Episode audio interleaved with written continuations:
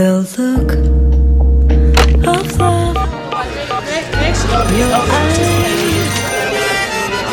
Your smile.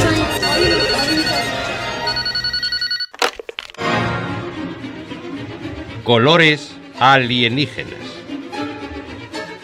Huele a coco. Detesto los cocos. Las cocadas de Navidad. La ralladura de coco arruina pasteles. Las rodajas de coco fresco que venden en las verbenas.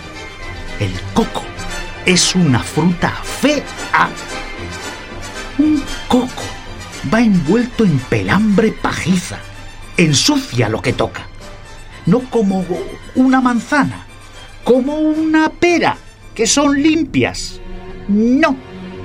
El coco a, a la vista, a la boca, en la mano, al oído. Ese golo, golo, golo, golo, golo, golo que le suena dentro que uno piensa, caray, si de la palmera cae cerrado herméticamente, ¿cómo puede quedar ya solo la mitad del líquido?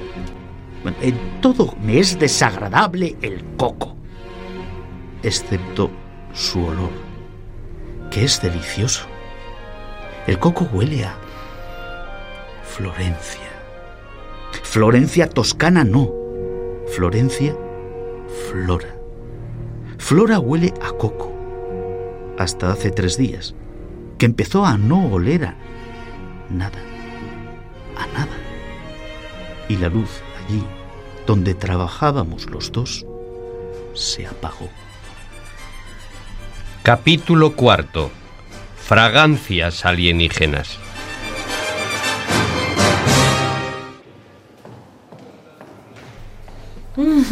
Este lugar apesta. Ah, Gloria, Gloria, ¿a que sí? Ya lo sé, Gloria, ¿eh? ¿A que sí? sí, mujer, Gloria. Hemos hablado poco, pero yo me acuerdo. Así que eso, que tengo que entrar un momentito. ¿Vale, Gloria? Gloria arrebató de las manos de Florencia su letrerito de escritorio en el que ponía recepción, porque aquello no era un juguete. Disgustada al verla allí de vuelta, tras el lío de ayer. Había mareado a un cliente hasta que el pobre amenazó con demandar a la empresa, boicoteó la instalación eléctrica e insultó a voces, delante de todos, al buenazo de don Carmelo, el jefe. Todo eso le habían contado esa mañana a Gloria, nada más llegar a Telinoperadores SL. ¡Gloria! ¡Gloria, no! ¡No la dejes entrar! ¡No! Uy, guapa, perdóname, allá voy. A Gloria le caería un puro más gordo si dejaba pasar a sala a un tipo gritando que si daba permiso a esa terrorista peligrosa. Baltasar entretiene involuntariamente a la recepcionista. Flora se cuela. Vale. Si me pregunta alguien, digo que en mi mesa olvidé la colonia de coco, que, que, que es carísima. No, no, se ve mucho que la etiqueta es de Deli Plus. Ah, ya sé, que me la regaló mi padre. Eso, que ayer todo el mundo me oyó vocear que habías muerto, papá. Ay, cómo le desarma a usted de los gallegos. Un buen melodrama. Eh, viejito. Oh, Renato. Te han puesto a ti en mi celdilla. Genial. Yo ayer lo dije, ¿eh? Está bien, me voy, pero pongan a Renato en mi celdilla, por favor. ¿Eh? Oye, me dejé cosas por aquí. La colonia de coco que me regaló mi padre. Anda, toma, para dos cafés. Invita a Lorelai. ¿Eh? Haced un descansito que yo os cubro. Hombre, si ya llegó aquí el señor coordinador. ¿Qué? ¿La cancerbera te ha dejado pasar? ¡Sal de aquí, Florencia! Dejé a Gloria marcando el número de la policía. No te preocupes, que yo enseguida resuelvo. Doy con el viejo ese que se cayó en la marmita de drogas y salgo pitando. Odio este sitio. Si el ordenador se acuerda rápido de mi sesión de ayer... mm, ¿A qué hora? ¿A qué hora pasó todo más o menos? ¿Te acuerdas? Mira, no montes un escándalo, por favor. Ay, pero si nadie está montando escándalo ninguno. Solo tú, que hablas como acatarrado. Ajá. Ajá. Mira. Ajá. Mira. Este número es como de esa hora, más o menos. Después de esa entrada, no se reanuda la actividad hasta bastante más tarde. Es él. Venga, sal de aquí. No pienso perder mi puesto de trabajo por tu culpa. Exacto. Somos un equipo. Tú vigila que no nos vea o se acerque el supertacañón máximo mientras marco. Vale. ¿Cómo que mientras marcas?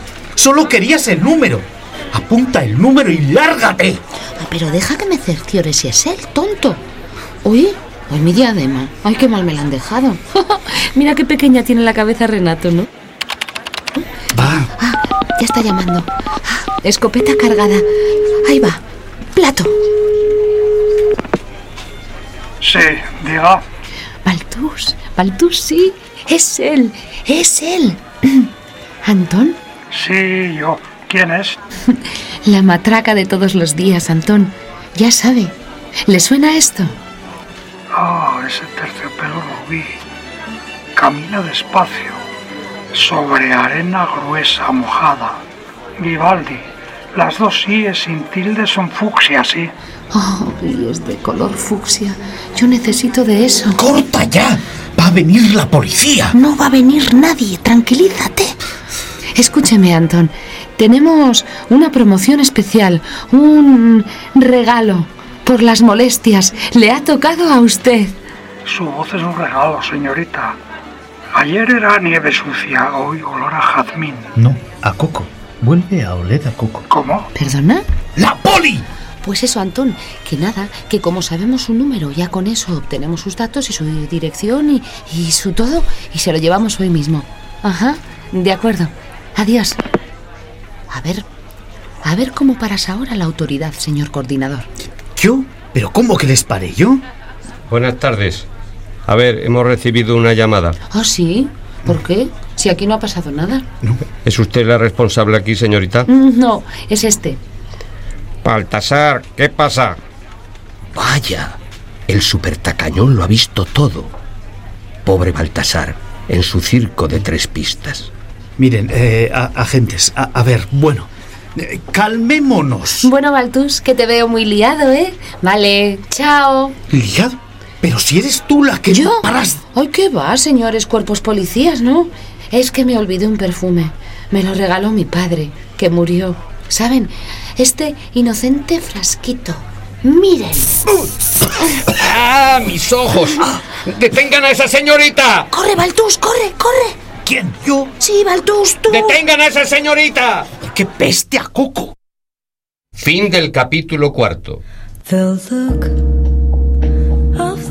Colores alienígenas. Guión original de José María Trujillo Garrido. Flora, Carmen San Esteban. Baltasar, José Ande Miguel. Antón, Juan Mieg. Narrador, José Ruiz de Azúa. Dirección, Carmen San Esteban. Ayudante de dirección, Enrique Loyola.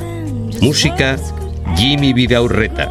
Sonido, Pachi Meave e Iñaki Olaciregui. Es una producción del Festival Internacional de Teatro de Vitoria-Gasteiz y Radio Vitoria EITV.